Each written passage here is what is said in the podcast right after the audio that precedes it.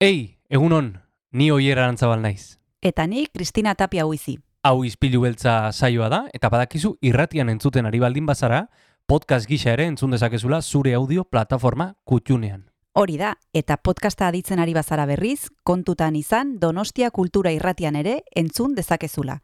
FM eundazazpi puntu lau frekuentzian. Sare sozialetan ere topatuko gaituzu noski, izpilu beltza bilatuta, Instagram, Facebook eta Twitterren. Besterik gabe, guazen gaurko saioarekin. Az gaitezen,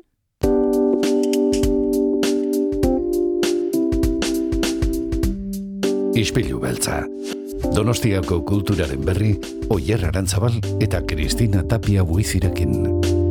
Egun honen zule ustailak bost ditu aste artea da eta hemen gaude beste egun batez Donostia Kultura Irratian ispilu beltza astera dualako. Egun hon, Kristina. egunon oier zer moduz? Ba, primeran, hemen e, ustailari helduta e, udagiroan, eta... Bai, ez? E, bai, eta izu, eta zurekin kultura ziteketeko prest. Bai, ja nabaritzen da udan gaudela eta badekizue udan gauza mordoa ditugula donostian eta aurten ikuste dut are gehiago izango dela ze pandemiak e, utzi gaitu ba ezakit horrelako sentsazio txar bat bi urtez, baina bueno, merrekuperatu ditugu ekitaldiak gauza mordoa eta hoietako bat gauza oso polit bat izango dugu Santelmon Uztailaren sortzian Jon Maia kukai dantza taldekoa izango da Oteiza eta Txillidaren erakusketaren baitan emanaldi bat ematen Maite Larbururekin batera eta guk Jon Maia gonbidatu dugu hier. Haze, bi artista, e, bueno, beraien emanaldia hitz egiteko e, interesgarri izango da Joen Maiarekin hitz egitea. Eta gainera gaur aste artea denez, e, Kristina, okerazpanago, zinema hitz egitera etorko zaigu, kresalako kideren bat? Bai, badekizue Uztailean Kresalako lagunek ez dutela proiekziorik trueba zinemetan, baina hala ere, txintxo txintxo etorriko dira gaur eta gaur, mm, esan bezala, Paul Ormatxea gombidatu dugu izpilu beltzara, kaurismakiren inguruan arituko zaigu. Bueno, e, oso jakintxuak dira kresala zineklubekoak, asko dakite zinemaz, eta ilustratzen gaituzte, gaur kaurismakiren inguruan hitz egingo dugu haiekin.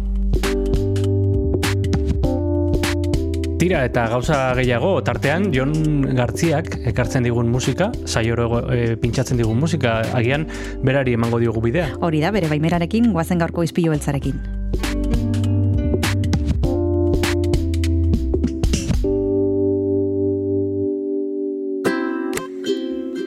Goazen gaurko saioari hasiera ematera Ines Osinaga artistaren dena aldatzen da kantuarekin.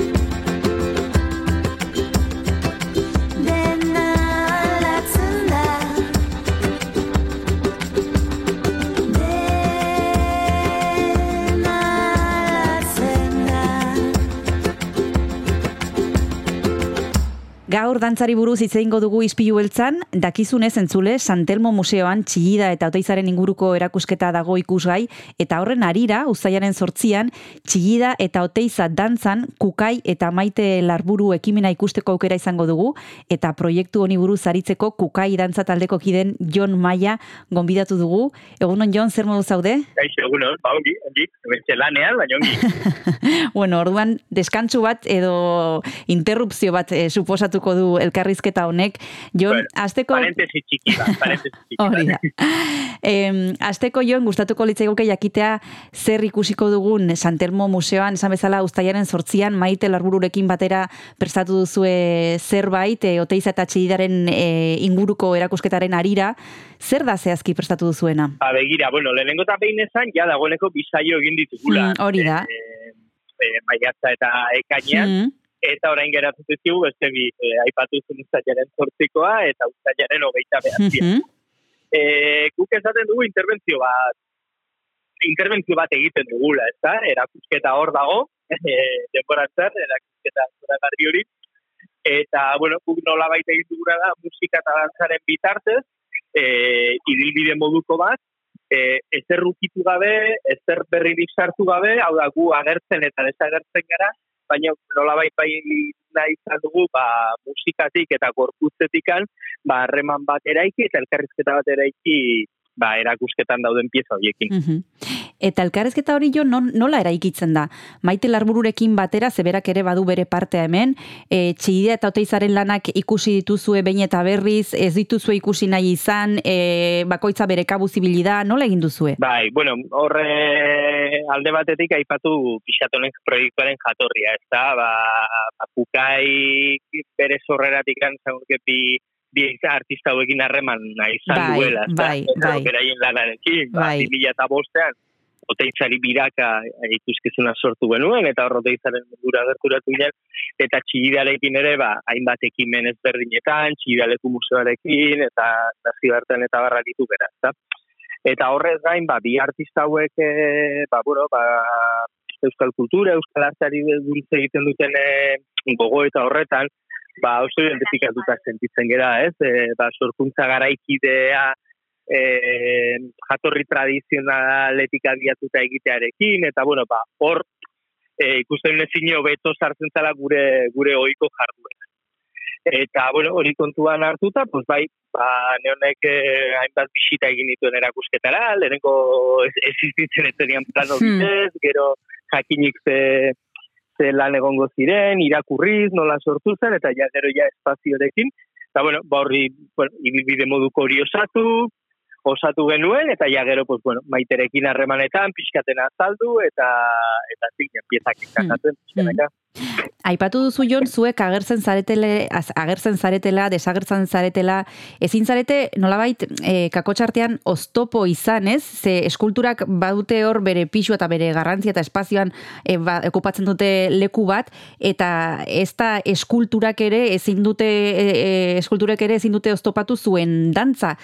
Nola egin duzue mugimendu hori non biek daukazuen zuen lekua? Hombre, oso garbi zeon hasieratik ez garbi euki genuen ba, proiektu honek bat zituela e, ezaugarri berezi batzuk, eta bueno, mugak eta aukerak, ez? Hmm. Eta muga hoien artean sartzen da, hain justu, ba, bueno, ba, piezak hor daudela, eta, eta, bueno, eta segurtasun neurrien gatikan ere, ba, muga bat suposatzen dutela. Eta, bueno, ba, hasieratik jakin dugu hori, eta jolastu dugu horrekin, ez? Nolabait, e, e, askotan gure gorputzarekin pieza hoien jarraipen bat eginez, e, forma hoien arabera gure gorputzerarekin jokatu, eta abarrezta. Egia da, erakusketak e, e, montatuta dagoen moduan ere, espazio ezberdin ugari ditu, eta aukera ematen digu, espazio bakoitzean, ba, ba bertan e, erakusketako kapitulo bakoitzean lantzen den hori guk ere lantzeko aukera ematen digu, ez? Eta jendeari aukera ematen dio, ba hori, e, erakusketan zer ibilbide bat egiteko, lasaitasunez, Bino kasu horretan espazio eta piezez gain, ba beste bi lengua irekin ere topo egiten du. Mhm. Uztailaren zortziko emanaldia esan bezala hirugarrena izango da, lau egongo dira eta hau izango da hirugarrena. Beste bietan publikoak e, zer, zer, zer esan dizue, ze erantzun eman dizue? Jo, ba oso, oso oso gustora gaude. Oso atsegina da, ze, pentsa, pase bakoitzeko hogeita bost lagun bakarrikan Hmm. dauden. Hmm. Eta horrek egiten du ba emanaldi oso oso intimoa izatea, oso gertukoa. Hau da, publikoak hori bere hortan, osea, aurrez aurre aurkitzen du, ez da, nola baite dantzaria eta maite eta bat, baino alderantziz ere bai. Eta oso giro oso txikitasun horretan eta gertutasun horretan oso oso giro goixoa sortu da. Bakoitza lauetako bakoitza oso ezberdina izan da, baina denak ere, ba, nik uste goxotasun hori eta intimotasun hori eukitze komunean. Eta ia jendea oso oso pozik atera da, gertutasun horrek aukera ematen digu, ba, eurekin gero solasteko eta eta erreakzioak ere aurrez aurrez Hmm. asotzeko, ez? Antzokietan askotan izaten ez dugun bezala, ez? Noski. Eta oso oso gauza politak entzun ditugu, Mhm. eta jendea, ba, bueno, uste esperientzia oso gustoko duela. Oraintxe bertan jarraituko dugu Jon proiektu honen inguruan hitz egiten, baino tarte bat hartu behar dugu eta horretarako ongirutzen baldin bazaizu Maite Larbururen abesti bat jarriko dugu eta oraintxe bertan itzuliko gara. Bikain, ezin ebeito. Ao arraro, ao zaila, ao zarrepai Zenbat lotxa, zenbat min, itz deslai Ditunak da ez ditunak esan nahi Ezinak batzuk astuak ere bai, ere bai Ez omen da gai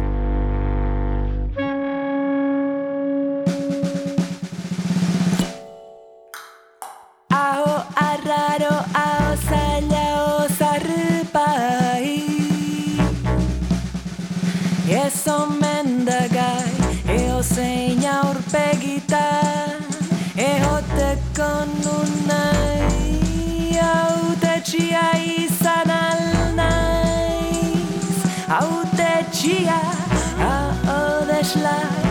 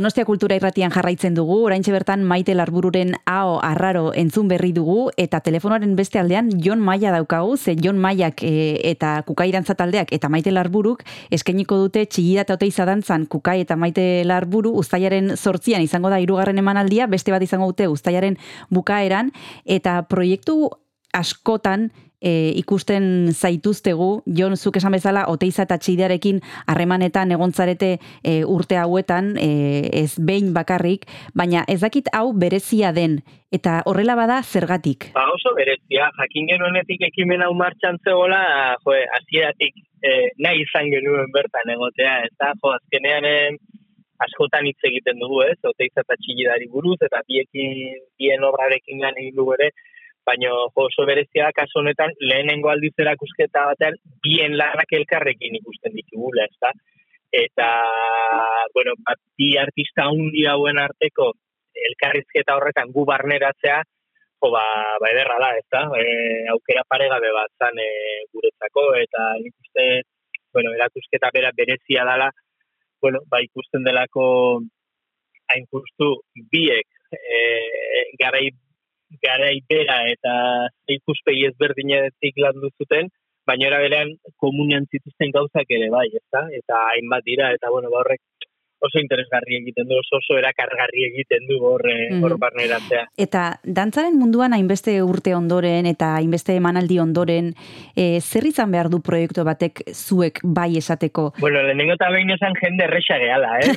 oso, oso bai, baina, bueno, gero gongo dira proiektu bat e, gustagarriagoak beste batzuk baino, ezta? Bai, du diga, du diga, bueno, lehenengo eta behin esan hori, jende erresa gehala, eta bestetik, ba, jo, nik egia zen gero eta gehiago emanaldiak egiten ditugu eta teatrorako eta hortan gaude eta eta oso pozik baino egia da proiektu horiek non arakatzeko aukera ematen dizuten e, espazioarekin, formatu berriekin, hori beti kriston erronka da. Eta nik adibidez, beti pentsatzen dut, naiz eta gule lanaren parte handi bat, antzokietatik osatzen den, ba, jo, e, horrelako gauzek alde batetik kriston arnasa ematen dute, eta beste alde batetik e, izugarrizko aberastasuna usten dute. Eta nik pertsonalki asko, asko gozatzen dut, eta beti pentsatzen dut horrelako esperientziek ba, beti arrasto uzten dutela. Bai publikoaren gan eta bai gure gan ere, bai. Ez direla, direla emanaldi arrunt bat. Naiz eta emanaldi guztiak ondo egin behar diren eta hortarako lan asko egiten duen, horrelako horrelako esperientzia beti bereziak dira eta iristen direnean ere Zakiak, zer berezia pizten dute ere, bai. Hmm, hmm. Eta kulturaren alorrak eta dantzarenak hemen batzuetan dantzari batzuekin eh, hitz egiten dugu e, eta esaten digute bitu gure alorrak ez du momentu boianteak bizi inoiz. E, eta bueno, kultura koroar baino dantzarenak zehazki are gutxiago. Ez dakit nola aldatu diren zure ikuspegitik jon e, gauzak zu, zu hasi zinenetik? Bai, egia da eta segurazki begira kukaik urte honetan aurten hogei urte. Hori da Hori da, hori da. Eta ba bai, esan luke segurazki arte estenikoak krisian egon direla beti, gure existentziatikan, eta aurretik ere, baina hau ja lehenko pertsona ikustartzaket, baina eragerean, jo, sensazioa daukat, e, ba, hasi ginenean ere, e, leku askotan e, nola justifikatu behar genuen gure e, gure presentzia edo, eta askotan ere nola, bueno, donostian bertan, eta donostia kulturan bertan, ez, e, de feria bat, antzerki azoka bat zal. Eta gaur egun ja arte estenikoena da. Eta programazia askotan ere antzerki da, bueno, gaur egun antzerki eta dantza zitzaiten dugu, edo arte estenikoa, ez, edo arti bizi eta zezan. Eta horre esango nuke nolabait naturalizatzen ari dela. E, jo, nik, e, eta gure aldetik ere bai, ez, e, proiektuek ere ibilbideak egiten dituzten enean, ba, ba erresago kokatzen dituzu edo ikusten dituzu lekuetan, ba, agian orain dela amarr urte oteiza txigide hau agian ez genuke egingo. ezta? Izango zan erakusketa bat eta listo. Baina orain e, nik uste, ba, guk izan dezakegula kapazitatea proposatzeko, baino bai programatzaileek eta kudeatzaileek eta publikoak jasotzeko eta naturaltzat ikusteko horrelako proposamen bat, ez? Orduan, bueno, naiz eta krisia beti hor dagoen, baina lenguan e, antzekontasun bat ikusten nuen, bai, e, jo, telebistak irratia akatuko zuen, eta internetak eta baina irratia hor dago, eta telebistak teatroa akatuko zuen, eta jarraitzen dugu horregoten, ez da? eta esango nuke ere, ba, zuzeneko horretatik eta sortu ditzakegula, ba, beste medio batzuk zorraratzi ezin ditzazken e, esperientziak, eta hori aldeko hartu behar dugu. Eta egoera honetan, esan dezu arte eszenikoak, ba, krisi aldian bizi izan zaretela beti, e, pandemiak zehazki krisiaren barruan beste krisi bat, zer egin izan du zuen lanean eta zehazki kukain? Ba, bitu, ni bi, bi norabidez eh, kontrajarriekin geratzen naiz, ez da? E, biak izan dituguna, ba, lehenengo gauza, kriston paloa, alde batetik. Kriston paloa, e, bueno, ba, momentuan, ez, ETT-ak suposatu zuen guztiaren gatik hori alde batetik. Baina beste alde batetik, e, bueno, ba, aurre ateratzeko gaitasuna eukitzea, eta batez ere, bide berrietan e, burua jartzeko aukera eman digu. Mm, esate baterako, ba, museoekin, elkarlan bat e, hasi genuen, ikusentzunezkoen bitartez, gure lana eta museotako lana bateratuz, ezta? eta naiz eta harreman hori izan bagenuen museo hauekin, ba gisa horretako produkzioak egiten ez horra ginen edo ta film bat egin genuen, gero donostiako zinemaldian estrenatu zana. Bueno, ba, bide batzuk, agian ikusteko edo sakonago harakatzeko aukera eman digu. E, zuztenekoa ordezkatuko ez dutenak eta ordezkatu behar ez dutenak, baino agian osagarritasun bat lantzeko aukera eman aldiguna. Orduan, bueno, ba, bueno, paloa jaso genuen eta eta lan asko egin genuen eta egiten jarraitzen dugu egoera hori iraultzeko, baino bide berri batzuk ere jarri dizkigu, ez, begien aurrean eta bueno, ba bueno, bokazio baikorra dugunez, ba geratzen ge horrekin eta ikasbide horiekin. Bigarren deskantzo hartu behar dugu eta horretarako maite larbururen amurra bestia dentzun behar dugu eta orain txitzuliko gara. Nola aldatu dan dena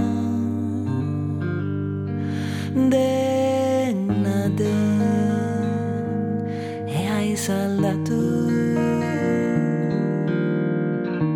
aurrak ondo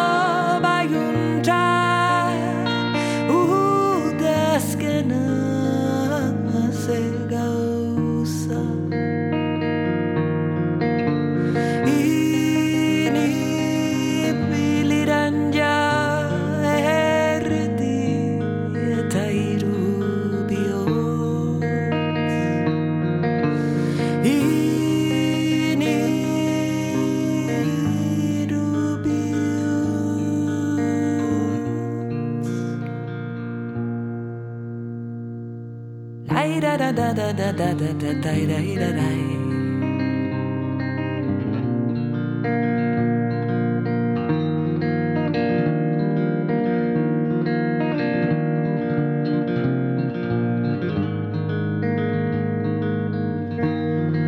Zeatik joan. Nintzen Izarri eskorra iriki lehioa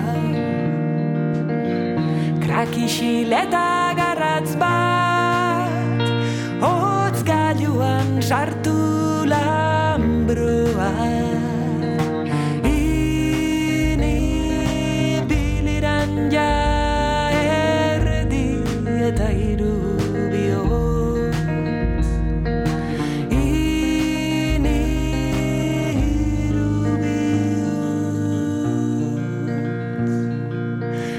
da da da da da da da da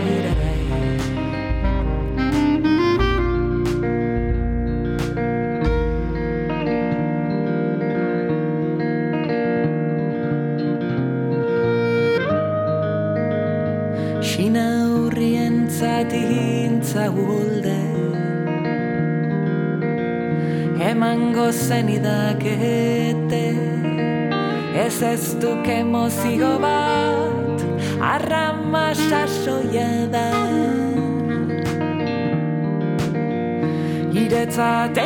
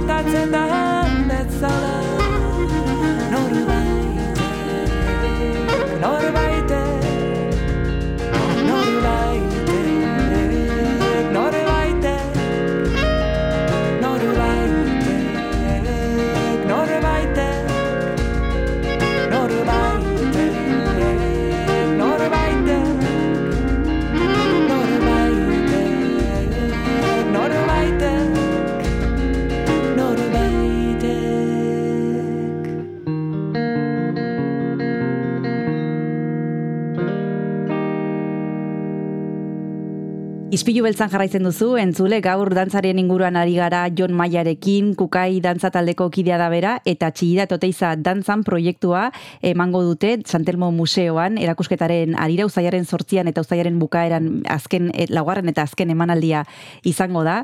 E, hogei urte beteko ditu aurten eh, kukaik eta esan dezakegu nolabait Euskal Herrian inflexio puntu bat markatu duela zuen konpainiak jon.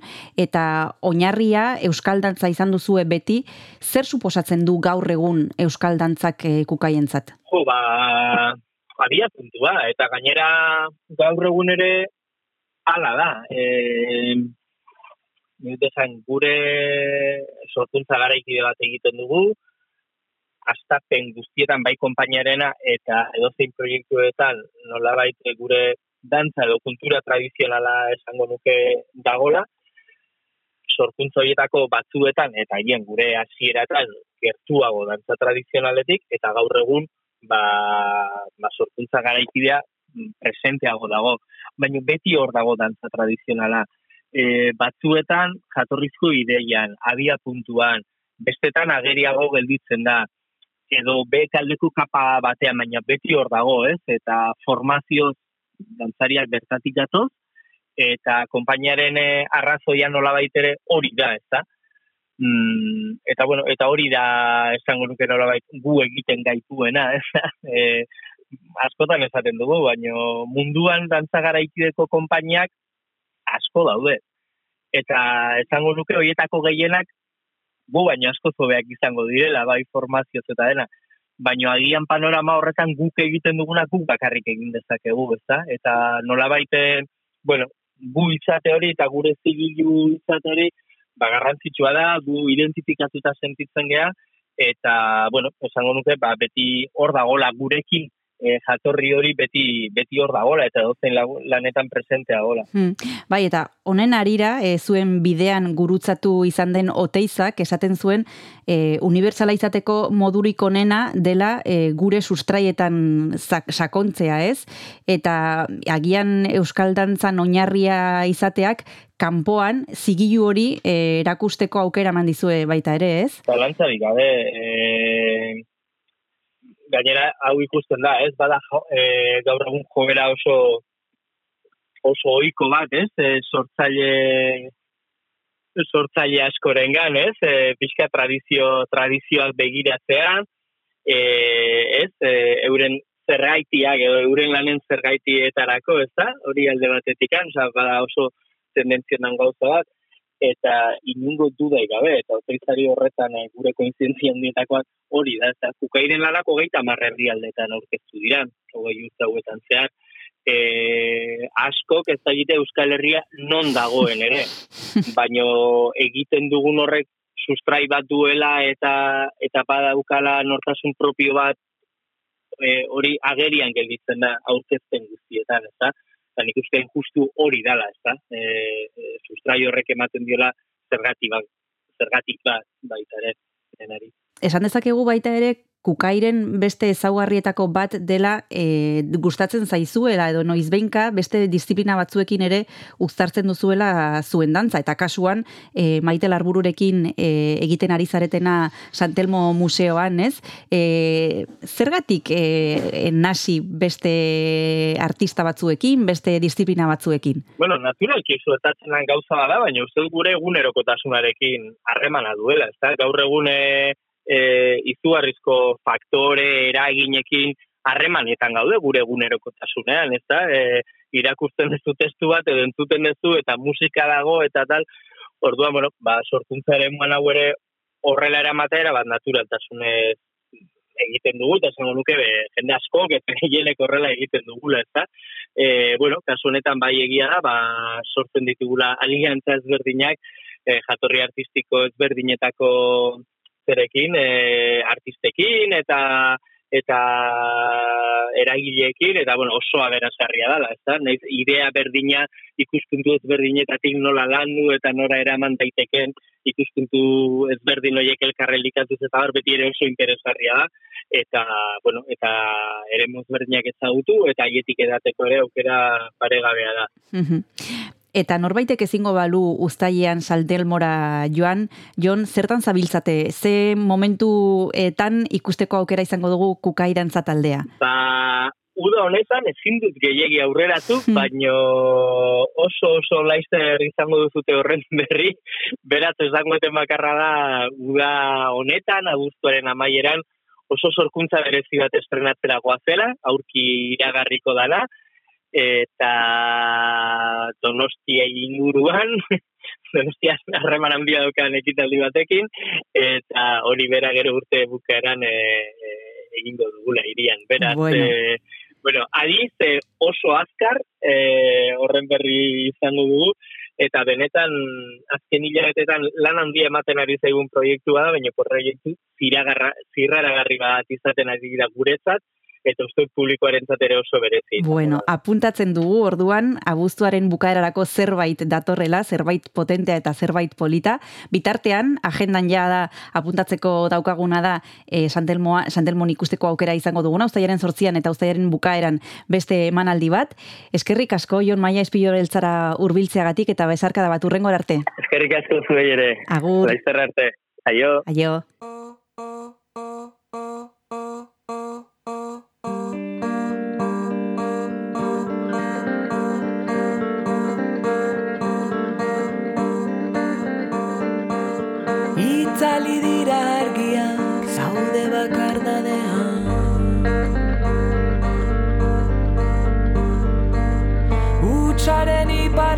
to heaven.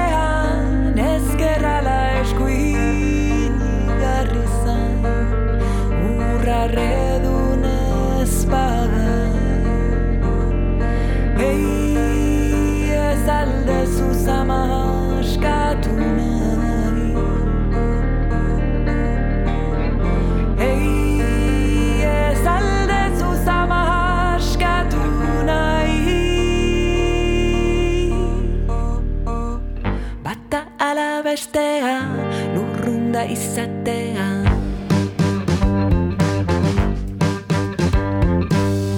Bata ala bestea lurrunda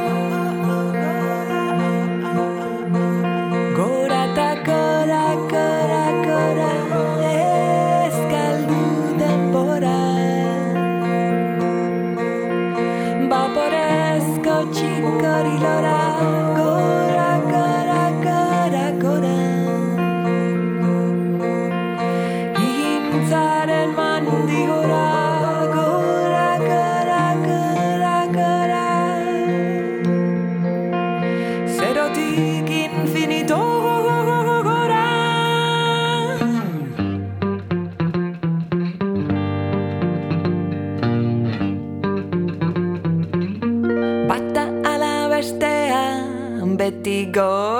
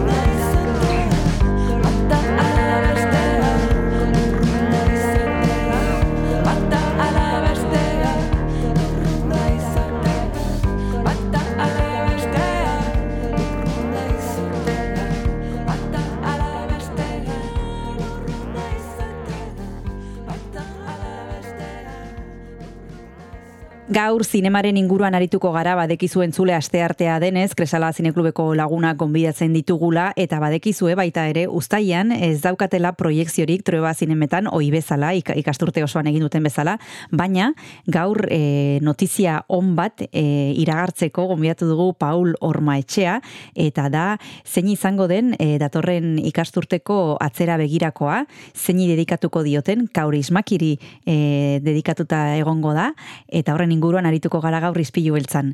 Egunon, Paul, zer modu zaude? Egunon, Kristina, ba, ondo, ondo, ondo ja deskantzaten, así que ondo. Indarrak hartzen Oporretan. datorren ikasturterako, ze datorren ikasturtea oso potente dator e, Kresala Zineklubean, esan bezala atzera begirakoa e, kaurismaki zuzendari Finlandiarriari egongo da dedikatuta, eta azteko nik jakin nahiko nuke, eta nik uste dut entzulek ere jakin nahiko dutela, e, zergatik aukeratu duzue autore hau, ez da bai da haundia egonda zuen artean? E, bueno, egia esan, ez da ez da egon. e, em, aukeratu dugu, lehenik eta behin, ba, beti aukeratzen dugun bezala, ba, e, gustatzen zaigulako zuzendaria, e, zuzendari interesgarri bat delako. Aurten gainera, ba, nahiko argi euki dugu, ze datorren urtean, 2023ko martxoan, e, ba, pelikula askoren eskubideak e, kadukatu egiten zaizkio Ah, banatzaileari, mhm. Espainiako banatzaileari. Mhm. Orduan ikusi genuen, ba, azkeneko aukera izan daitekeela, behintzat e, peluze batean, eta ba aurrera, aurrera, gustatzen zaigu asko, hasi aurrera. bueno, e, norbaitek ez badaki, norden aki kaurismaki, Paul, e, nola esplikatu aldiogu norden eta zein garrantzia duen e, zinemagintzaren munduan? Bueno, ba, da zuzendari bat, ja, pf, nik uste tirurogeita margarren amarkadan hasi zela zinema egiten, orain dikan zinema egiten jarraitzen du, esantzun erretiratu ingo zela, baina azkeneko aste hauetan entzun da e, beste pelikula bat prestatzen ari dela, beraz orain dikan hor jarraitzen du. E, da niretzako, bueno, niretzako eta nik uste dala zinemagile bat e, pf, bakarra, esango nuke, da, da zinemagile bat oitakoa ikusten duzula bele pelikula baten minutu bat eta badakizu zenek zuzen duen. E, dauka oso, oso estilo pertsonala, e, eta gero balore asko dauzka. Dauz, bere pelikula dira gehien bat ba, langile klasearen inguruan, e, pertsonaia xumeak apalak izaten dira, e, kontzientzia sozial asko dauka, eta e, umore berezi bat ere bai. Bere pelikulak umorea daukate, ia denek, umorea da, ba, bueno, ba, Finlandiarra, ordu, bueno, berezia da, baino, baino bai, bai, e, merezi duen zuzendaria dudari gabe. Mhm. Esan behar dugu, zuzendari hau hasi zela lanean bere anaiarekin e, gidoikile laguntzaile bezala, eta gero hasi zen e, zuzendari independiente izaten e, hasi zenean e, rodatzen e, e, krimen ikastigo, ez da? Mila bederatzereun da laro iruan, eta geroztik, e, zuk esan bezala, ba, berak e, hautatu dituen gaiak beti lotuak izan dira ba, klase sozial jakin bateko personaiekin, eta, bueno, izan du du ibilbide bat e, oparoa. E, zein pelikula ikusi aldit, alko ditugu e, atzera begirakoan e, kresalan, Paul? Ba, zortzi izango dira guztira, zazpi luze metrai eta labur metrai bat, e, izango dira ga- gazteleraz izango ditut, e, Sombras en el Paraíso izango da lena, kronologikoki, e, gero Ariel, e, La chica de la fábrica de cerillas, e, Contraté a un asesino a sueldo, Nubes pasajeras, e, Un hombre sin pasado, Le Havre, eta azkenekoa laburra e, Ota Berneiro deitzen da, da Portugalen e, egin zuten, hainbat zuzendarinen artean egin zuten pelikula kolektiba horietako bat, eta berak zatitxo badauka hor, amagos minutuko labur metrai bada, oso oso, bueno, berea, esango nuke, oso polita, eta eta hori ere bai. Bai, gera, irai- iraian hasiko gera eta martxora arte izango da. Mhm. Bai, aipatu behar dugu, bera e, Finlandiakoa dela, baina Portugalen bizi dela aspalditik. Orantxe bertan jarraituko dugu e, kaurismakiren e, zinemagintzaz hitz egiten, Paul, baina tarte bat hartu behar dugu, eta horretarako abesti bat eskatu behar dizut. Zer entzun dezakegu eta entzulekin partekatu? Ba, bira, gaurismakik bere pelikuletan musika pila badauka, Mhm. eh, eta ba, asko hietatik eh, Strange Kinda Feeling Elmore Jonesen abestia entzungo dugu. Ederki, bagoazen entutera.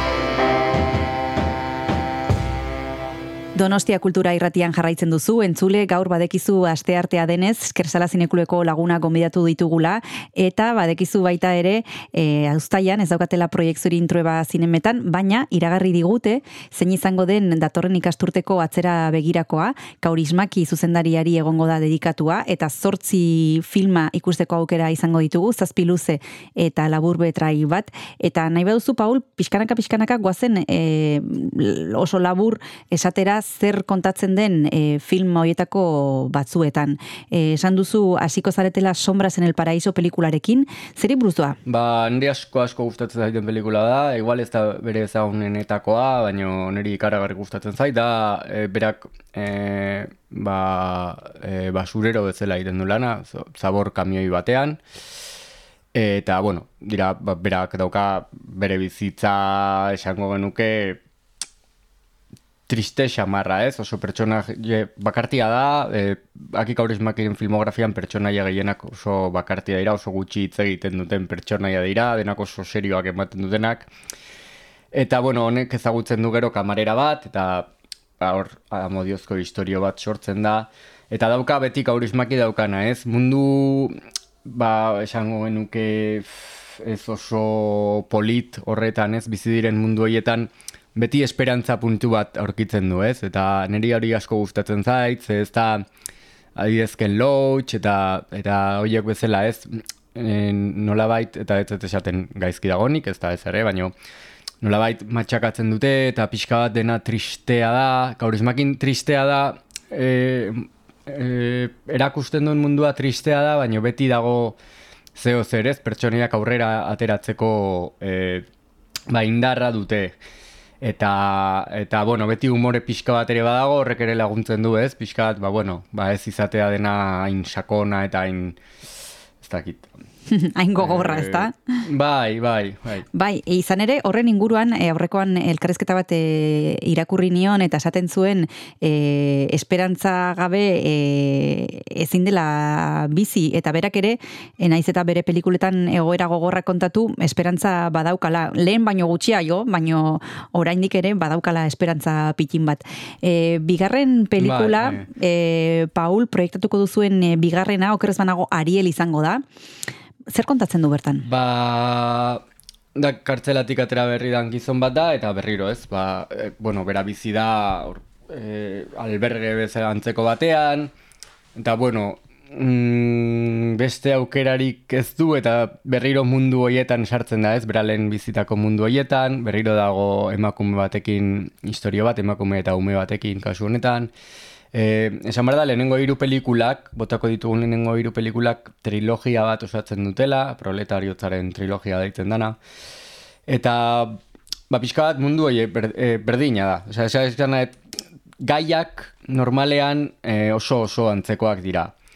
Egia da historioak, ba, ba, desberdina dira da, noski, ez izateko beti pelikula berdina, Baino antzekoa da, ez? Tono badauka hori, tono komiko, triste antzeko bat, berriro ere da pertsonaia bat, kasu honetan pixka bat aktiboagoa da, e, sombras en el paraíso baino, baino, bai, badauka tono hori, eta berriro ere esperantza bat bukaeran, eh? eta, eta, bai, eske oso historio polita dira, azkenean ipuinantza daukate. Osea, ez, da, ez dira esango nuke Disneyeko pelikulak, Bai, noski. bai, noski. Baino, baino badaukate hor e, hori ez, esaten duzuna, jo, baino bizitza ez da horrelakoa ez, baina bueno, zineman zergatik ez, zergatik ez da egongo argi pixka bat ez, eta hori niri asko gustatzen zait talde hortatik. E, gero, e, Ariel eta gero bi urte berandugo, kontrate a un asesino a sueldo pelikula egin zuen, eta hau ere proiektatuko duzue atzera begirakoan, em, zer kontatzen du kaurismakik bertan? Bai, bueno, kontratea un asesino a sueldo dauka eh, eh, esango genuke historio rokanbolesko bat eta oso oso potentea da ja hasieratik ideia. Da gizon bat, gainera Jean-Pierre Leo da aktorea, e, bere buruaz beste egin nahi duna, baina ez da nahu sartzen. Orduan juten da ba, taberna batera eta kontratatzen du e, ba, hiltzaile profesional bat bere burua hiltzeko. baino ze gertatzen zaio, ba, ja, etxera dijoanean eta zai dagonean, aber noiz etorriko dan tipo hori berak ez dakina zein dan. Berarekin akabatzera, ba, maite mindu egiten da, gau hortan. Orduan, juten da berriro kontratatu duen tokira, e, esateko, ba, ja ez dula hil nahi. Eta orduan, e, taberna hori ja ez da existitzen. Bota egin dute, orduan ezin du aurkitu, e, ba, enkargoa bidali dion pertsona hori, eta orduan dauka bat, tipo bat atzetik, berarekin bukatu nahi duna, eta berak ja ez duna nahi, ez? Orduan, bueno, oso... Bueno, oso, oso historia kuriosoa. Bai, desde eta- luego, premisa ez da, ez Bai, dago gaizki. bai, Bai, bai, bai. Urrengo pelikula, Paul, e, zein izango da? E, horita gero izango da em, nubes pasajeras, e, da, bueno, berriro ere langile klasea, e, kasu hontan e, bikote bada, ezkonduta daude, eta mm, gizona lan gabezian gelditzen da, eta bueno, hor eukitzen dituzten gora berak, ez? E, eta, bueno, berak neskak e, egiten du lan jatetxe batean, eta bueno, ba, esango genuke bikote baten gora berak bietako bat langabe gelditzen danean. Eta berriro ere, hori, ba, da- dauka, e, nik uste daukala empatia asko bere pertsonaiekiko. E, eta orduan, beti dira, ez dakit, pertsonaia erakargarria dira. E, humanitate asko dauka kaurismakik, eta orduan, naiz eta eh, aktoreak edo interpretazioak pixka bat lehorrak edo diran, beti gelditzen zaizu regusto bat, eta berriro ere, ba, bukaeran, ba, esperantza agertzen da, ez? Eta da oso pelikula, bueno, estetikoki denak, denak, denak dira dauka ez dakit zer, ez dakidan argia, musikarekin ere asko jolasten du, e, oso oso berea da. E, zuze, argazki zuzendaria pelikula guztietan da Timo Salminen, da berdina, e, gauetan erabiltzen duen argia oso oso, niri oso erakargarri egiten zait e, irudia. Eta nik esango nuke pelikula honetan gehien bat. E, dauzka ikaragarrizko plano polita dauzka, ez du ezer espektakularra egiten, baino e, iz, izugarrizko plano polita dauzka bere pelikuletan, eta hontan e, nubes pasajerasen batez ere. Oraintxe bertan jarraituko dugu Paul hitz egiten kaurismakinen inguruan, baino bigarren deskantsu hartu behar dugu eta bigarren abesti bat eskatu behar dizut. Zer pentsatu duzu? Ba, izango da Do the Shakes, The Renegades taldearena. Primera, magoazen entzutera.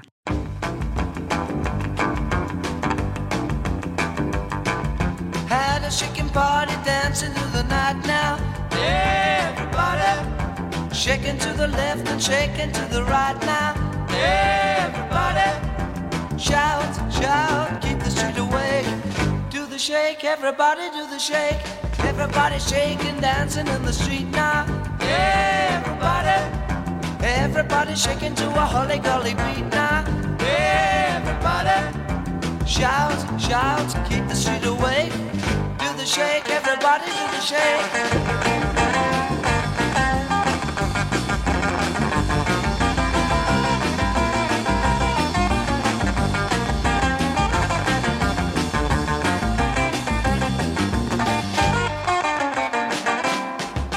Shaking party dancing through the night now. Everybody shaking to the left and shaking to the right now. Everybody shake, shake, keep the street awake. Do the shake, everybody do the shake.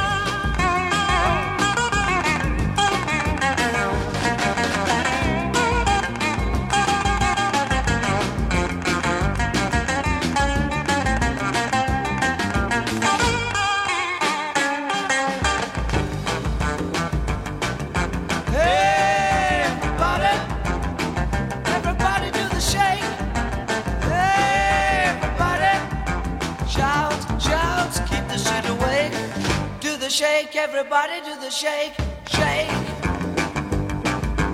Hey, Everybody, everybody do the shake. Hey, Everybody, shout, shout, keep the street awake. Do the shake, everybody do the shake.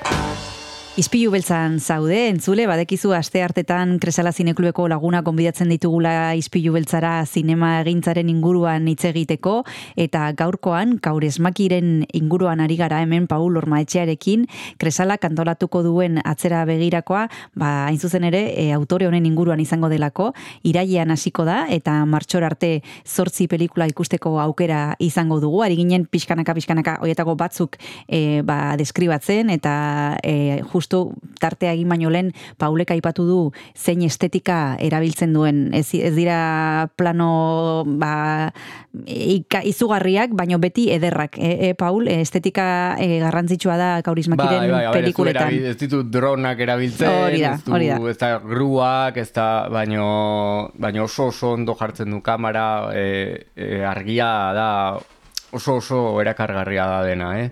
Dago iluna, gero tonu hotzak erabiltzen ditu, urdinak eta hola, eta gauetan batez ere e, planoak dira zoragarriak, Mhm. zoragarriak. Zuri zer da gehien gustatzen zaizuna e, bere lanetan? Zerbait azpimarratuko bazenu zer izango litzateke? Ba, niri gauza asko gustatzen zaizkit. Mhm. Estetika gustatzen zait asko, baina asko.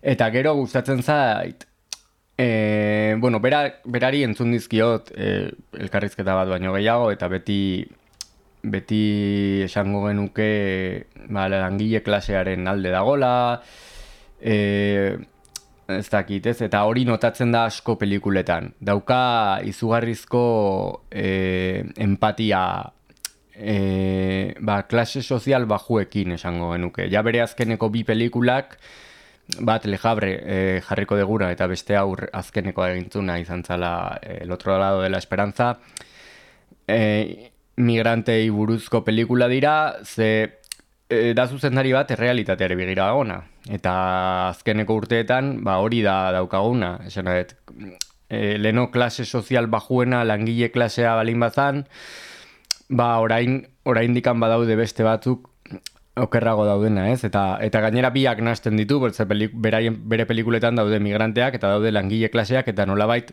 elkarri laguntzen dute. Nik uste dut, gustatzen zaitena dela egiten duna, egiten dula bai mundua nola dan jaso, eta bai nola hobetu dezakegun mundu hori. Eta bere pelikuletan e, bi gauza hauek egiten ditu. Eta horregatik dauka alde bat oso tristea, eta dauka alde bat, ba hori, esperantzarekin. Eta niri hori e, asko Mhm. gustatzen zait. Asko gustatzen zait. E, irakurri izan dut e, kritiko batzuek esaten dutela e, bere lanen inguruan, maila mantentzen duela beti. Dala zuzendari bat e, ez duela izan e, ba, gora berarik edo. Ezakite zuk ere iritzi horri partekatzen duzun. Bai, nik guzti guzti guztiak ez ditut ikusi, adibidez bere lehenengo pelikula krimen ikastigo ez ikusi. Baino, bai, bai, e, gertatzen dena da ere bai, e, eta hau, igual ez nuke esan behar, ni pentsatzen dut ez balin bat zaizu gustat, ez balin bat zaizu gustatzen, osea bere bi pelikula ikuste balin, et, ba oso zaila da hirugarren bat gustatzea, ze oso antzekoa dira pelikulak beraien artean, da zuzendari bat kontatzen duna, kontatzen duna. Tramak pixka bat aldatzen dira, bat bestera, normal, baino gaiak dira berdinak, estetika oso antzekoa da, e, isladatzen duen mundua azken finean berdina da, bere ikuspegia ematen du pelikula guztietan, orduan oso bereak dira pelikulak eta oso antzekoak dira bata bestearen aldean. Eta nik uste dut, nik ikusi dituen, ditutenen artetik, badaude batzuk gehiago edo beste batzuk pixka gutxigo gustatzen zaizkitena, baina orokorrean eh, dena gustatzen zaizkit. Eta gustatzen zaizkit. Paul beti galdetze dizut e, gauza bera, baina mm, norbaitek ez badu zuzendaria ezagutzen eta ez badaki nola, nolakoak diren bere pelikulak, zaila egingo zaizu, zaila egingo zaigu bere pelikula bat lehenbiziko aldiz ikusten badugu? Kostatuko zaigu lertzea? Ez, ez, ez, ez, keba, keba, keba.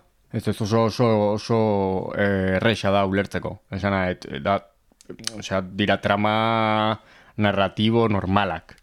Ez dago, ezer, beste, egia da, dauzkala pertsonaiak ba, pixka bat dira denak hori oso lehorra bezala, edo eh, parkos en palabras, Bai. dana, baino, baino eh, trama guztiak, osea, dena jarraitzen da ondo, dena ulertzen da, ulertzen da bai trama, bai zer esan nahi duen pelikulak berak, ez? Ze, ze gai nahi dituen jorratu, ez bakarrik zer gertatzen zaien pertsonaien, baizik eta zer isladatzen duen pelikulak. Nik uste dela oso oso erresa ulertzeko ez dago inungo arazorik.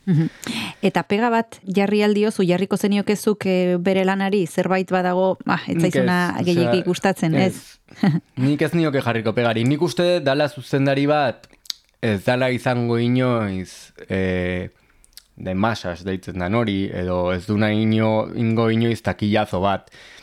Ba, bere pelikulak ez dutelako hori bilatzen, osea, oso historia simpleak dira esango genuke, e, ez da, ez dituzte efektu espezialak, ez, osea, oso historia simplea dira, orduan ez du takillazo bat eukiko inoiz. Ez da izango, ba, ez dakit, e, zentro komertzialetan eta hola ez dituzte jarriko.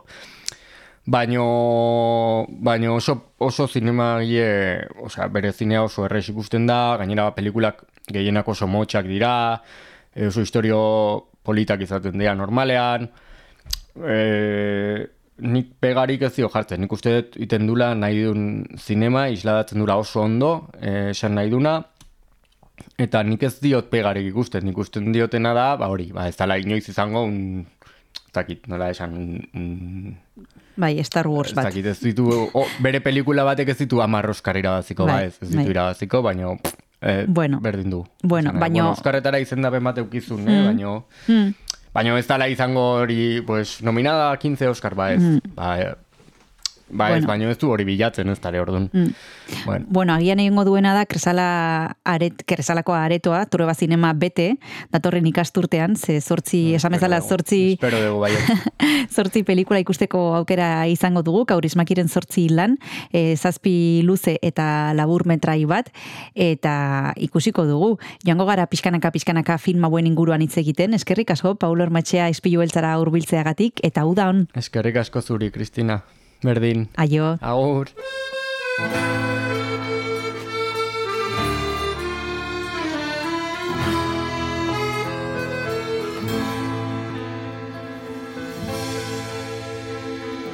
Once upon a time there was a tavern where we used to race a class or two. Remember how we laughed away the hours and think about the great things we would do. Those were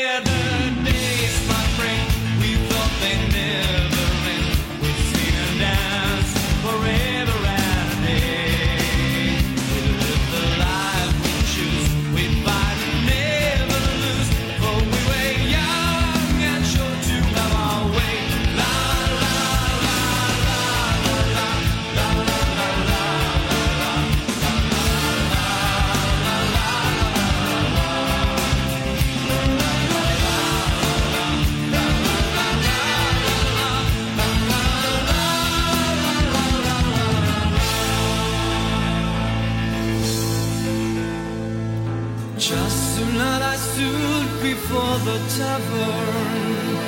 Nothing seemed the way it used to be. In the glass I saw a strange reflection. Was that lonely woman really me?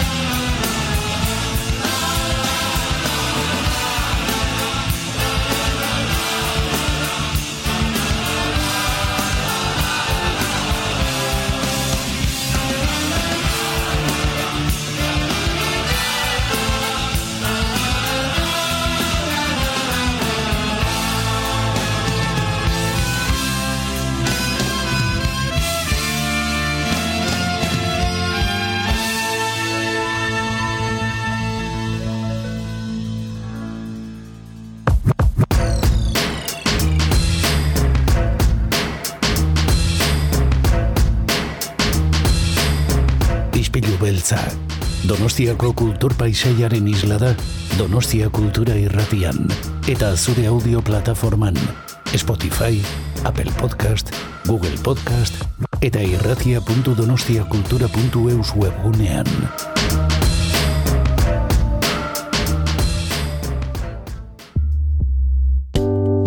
Gogoratu izpilu beltza entzuten ari zalera Donostia Kultura Irratian, baina nahieran ere topatu dezakezula podcast gisa gure saioa, edozein audio plataformatan arpidetu eta Kristina Tapia Uizi eta biok asko eskertuko dizugu. Orain jarrai dezala saioak. Bizitza joan, bizitza iez. Egunero egon ezinez, gorri zein gris, eskuin ezker, gure iraultzaz ez da ezer. Gorri zein gris, eskuin ezker, gure iraultzaz ez da ezer.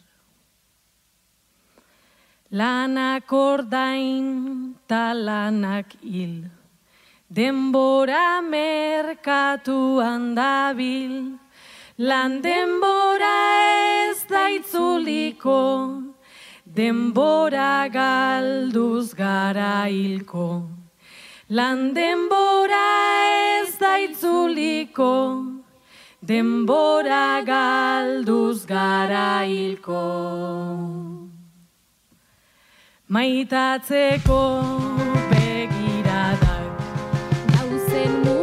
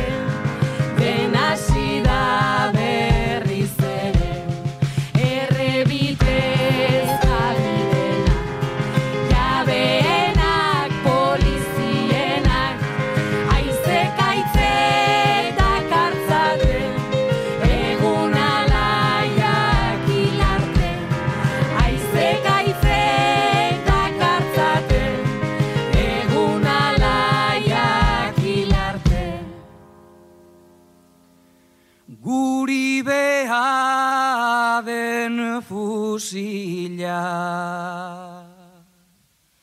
Jarri zapaltzaiei begira, nagusiei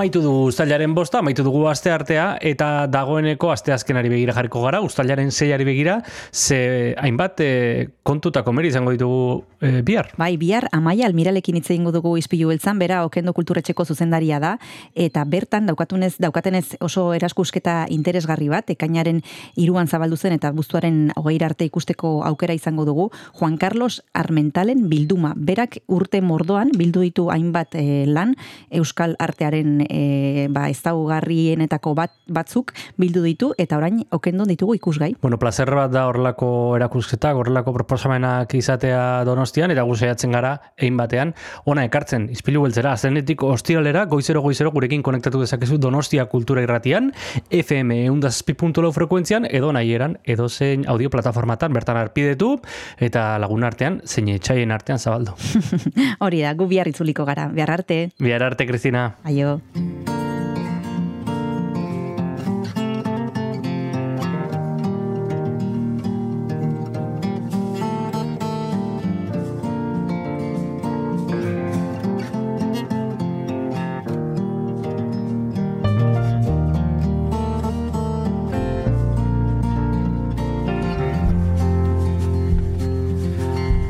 This is how I tell it.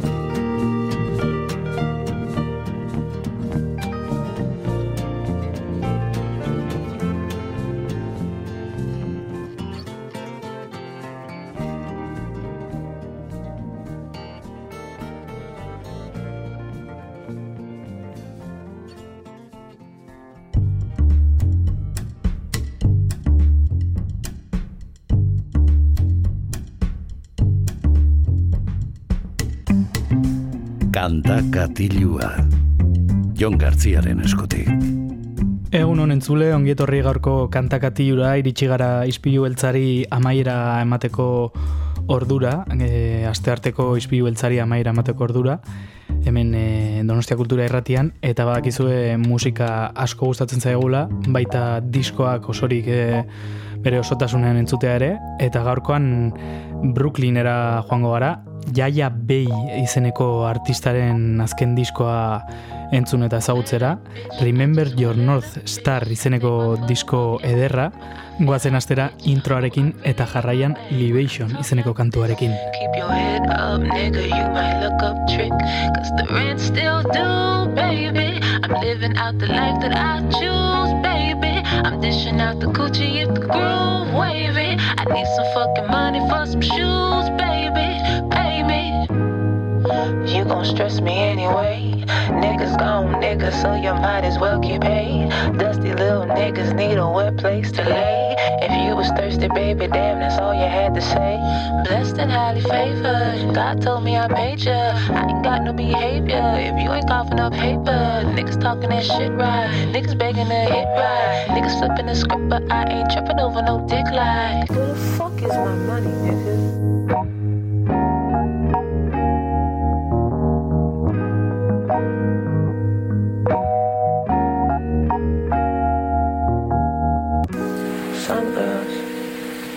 Us so much God that when they go missing, it don't look so hard. The wells in our eyes dry up and there's no libation left to pour. When this happens, we never talk about it. We just hide. Besides, how would we explain to God we've used up all the water on the boards?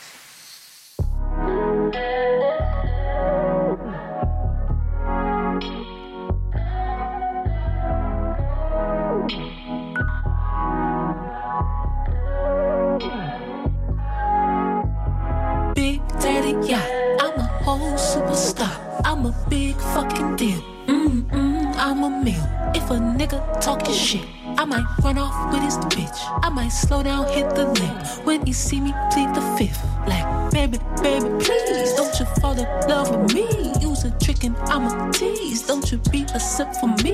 Let you know just what that means. Shit just might get 730. I wanna push a 730. All my bills is pushing 30. Oh, you late and so impressed, baby. Ain't no second guessing, baby. I'm the smoothest bitch, and that's a little bit of flexing, baby. Hey, hey, hey, hey. I could do this cool shit here all day, switching up flows here all day, like ooh. Is it cool if I school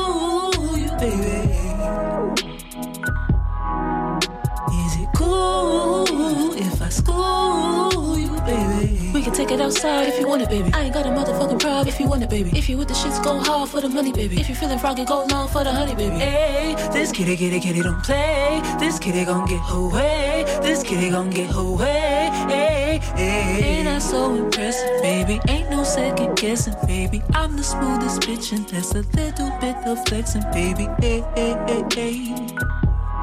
I could do this cool shit here all day, switching up flows here all day, like ooh. Cool if I school you, baby? Is it cool if I school you, baby?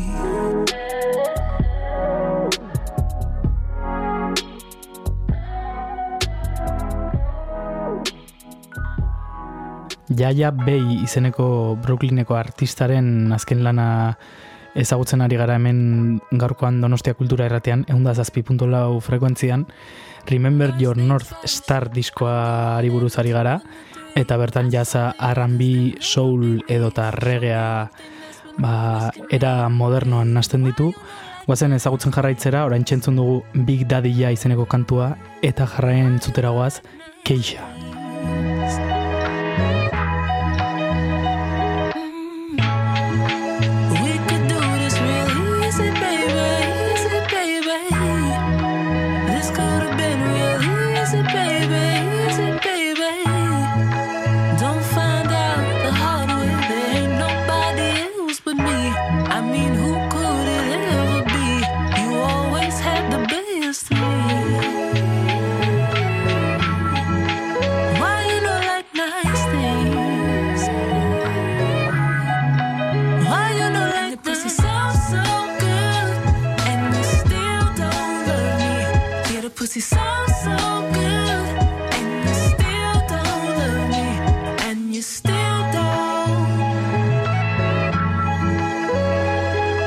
She's so, so good, and you still don't love me.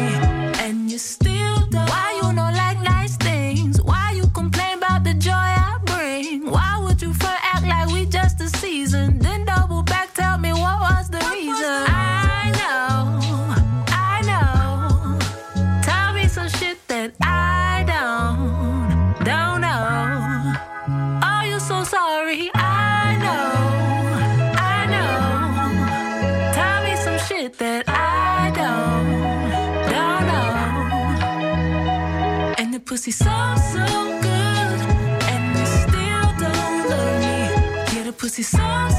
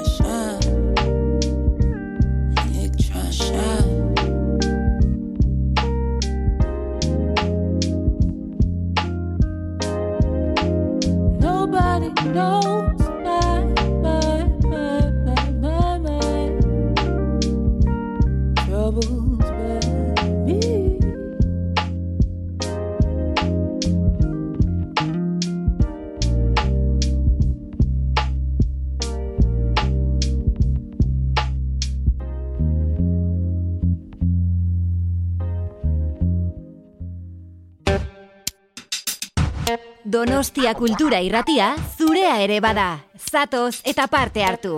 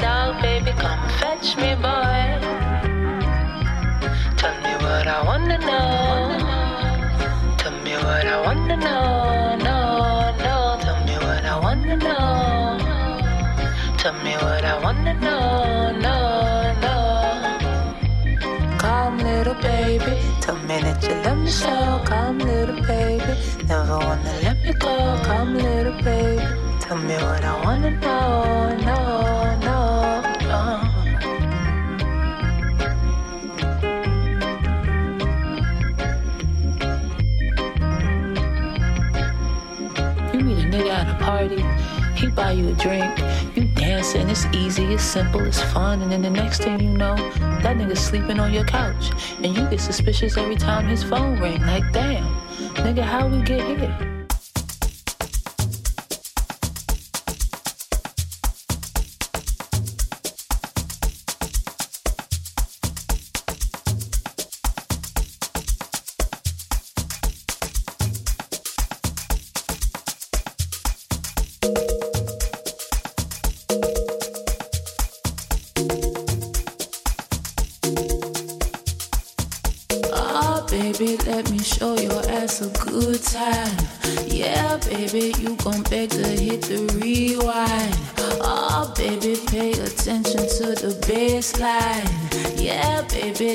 party at my waistline. Baby, pull up the love.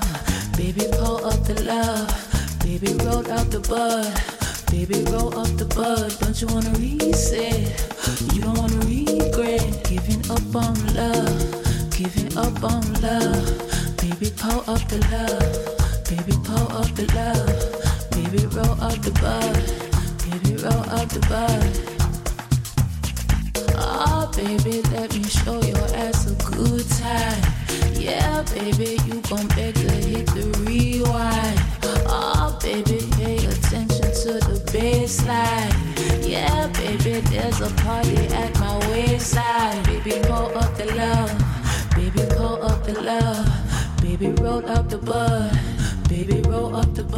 don't you wanna reset? You don't wanna regret giving up on love, giving up on love, baby. Iggy, iggy, baby, rolling up a little sticky, iggy, baby. Showing a nigga a little bit of titty, baby. Baby, pay attention to the baseline, baby. This heart on the waistline, rolling up a little sticky, iggy, baby. Showing a nigga a little bit of titty, baby. Baby, pay attention to the baseline, baby. There's a party at the waistline.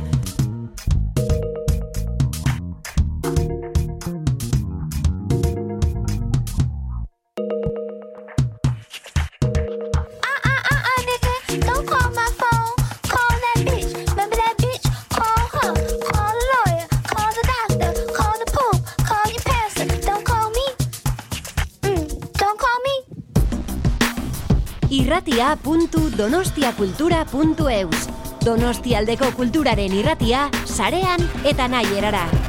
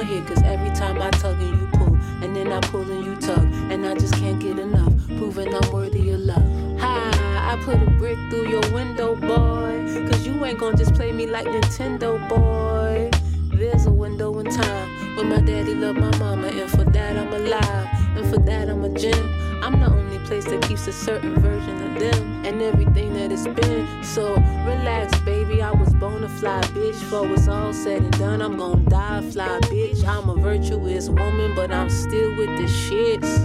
Uh, don't you forget, don't you forget. Don't you forget, don't you forget. What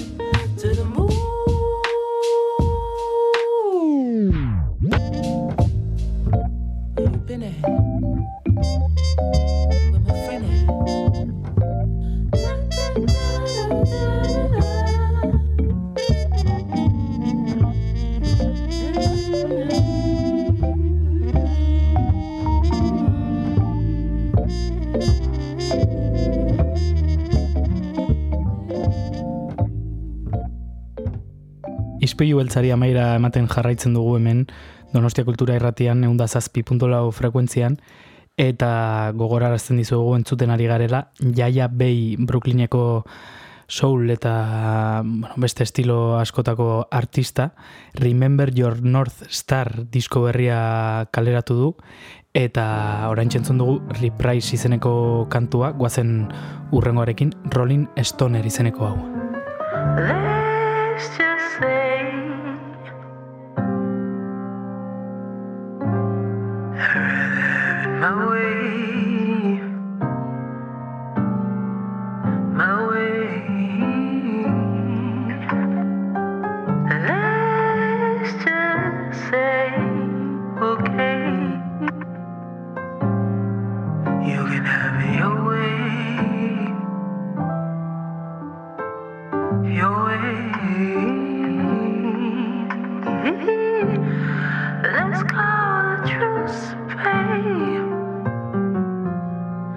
A truce,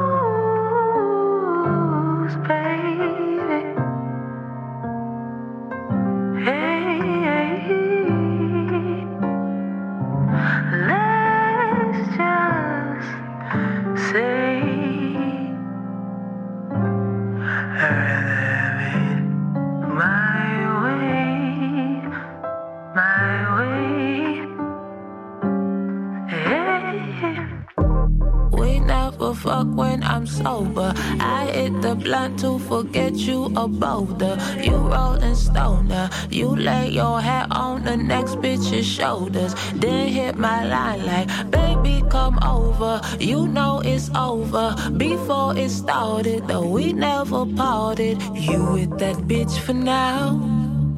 But you gon' be back around. You be back around.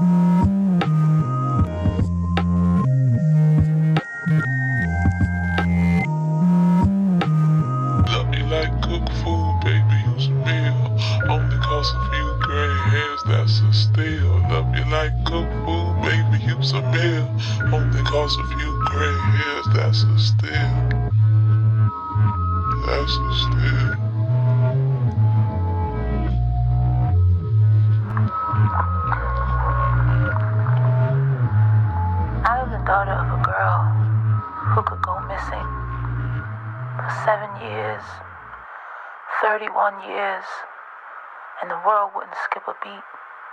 A heavy thing, too broken to be a daughter, too wild to be a lover, a ghost, an imaginary thing. Nobody cares to witness. And when you look at my face, when anybody looks at my face, they say, You look just like your father. But I am certain she's in there somewhere. It's just nobody ever looks. Time. I'm spinning out my mind. Oh, what a time constraint. Who's counting time these days? You, you say you love me so. Why would you let me go? I'm floating in the wind. Seems I can never win. Somebody wrote me a joy. Quick, let me get to the point. Girl, won't you read the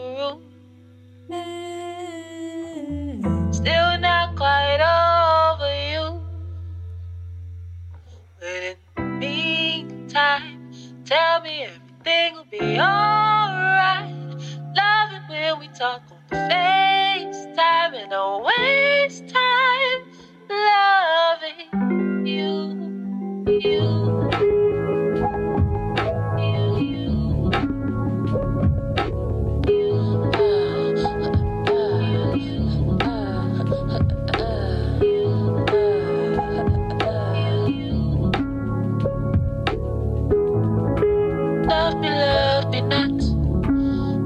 Till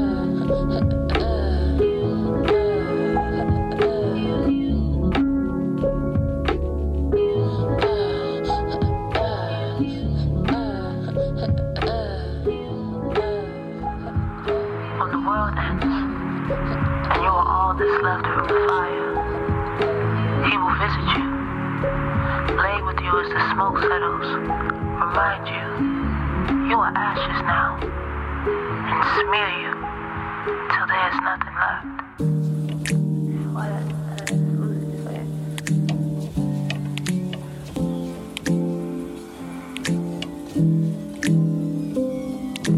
Mama wrote a letter to her papa and he didn't even read it. Saw him on the street, he didn't even mention. Mama love a man, give him all of her time and her freedom, common sense and a motherfucking pension. Mama love a son, mama love a son. Mama love a son, mama love a son. But when it come to mama love, shit is all tied up, dried up, cried out, and her daughter can't get none. Don't you cry for me. Don't you cry for me, cause girl, I'm good. And when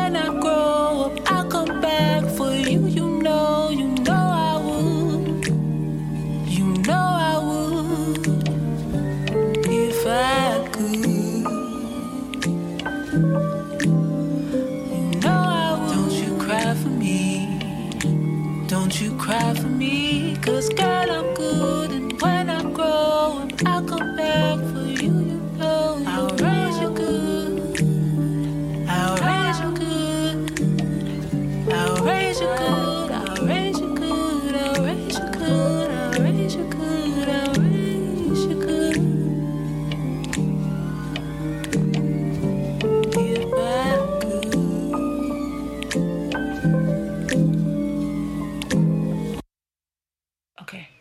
Amaitu da gaurko zizpilu beltza, amaitu dugu kantakatilua, eta entzun dugu Remember Your North Star izeneko disko eder eta berezia, Jaia Bay artistaren eskutik.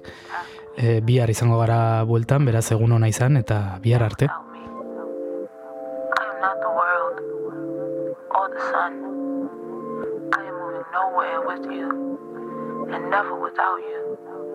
You are always a pain and a yearning, threatening to ruin me either way. I was too sad to get out of bed. I rolled over, watched TV instead. I fucked around and wrote a blunt or two. I woke up in a shade of blue, but there's blessings all around me. There's blessings all around me. Nothing I love that I can keep, cause nothing ever really belongs to me. When it all leaves, it's a pain to see, but there's blessings all around me. There's blessings all around me. Oh, doesn't it feel like gold? Whether it stays or goes, when it's the real thing, doesn't the heart just know? Doesn't the heart just know? It takes a lifetime. You heal a lifetime of all these lifetimes when it's the right time. For this love that don't go away. For this love, and every day I pray. Wherever you are, that you're somewhere safe. No, I'm somewhere safe. And there's blessings all around me. There's blessings all around me. Oh, doesn't it feel like gold? Whether it stays or goes, when it's the real thing, doesn't the heart just know? Doesn't the heart just know? Too sad to get out of bed. I rolled over, watched TV instead. I fucked around and smoked a blunt or two. I woke up in a shade of blue, but there's blessings all around me. There's blessings all around me.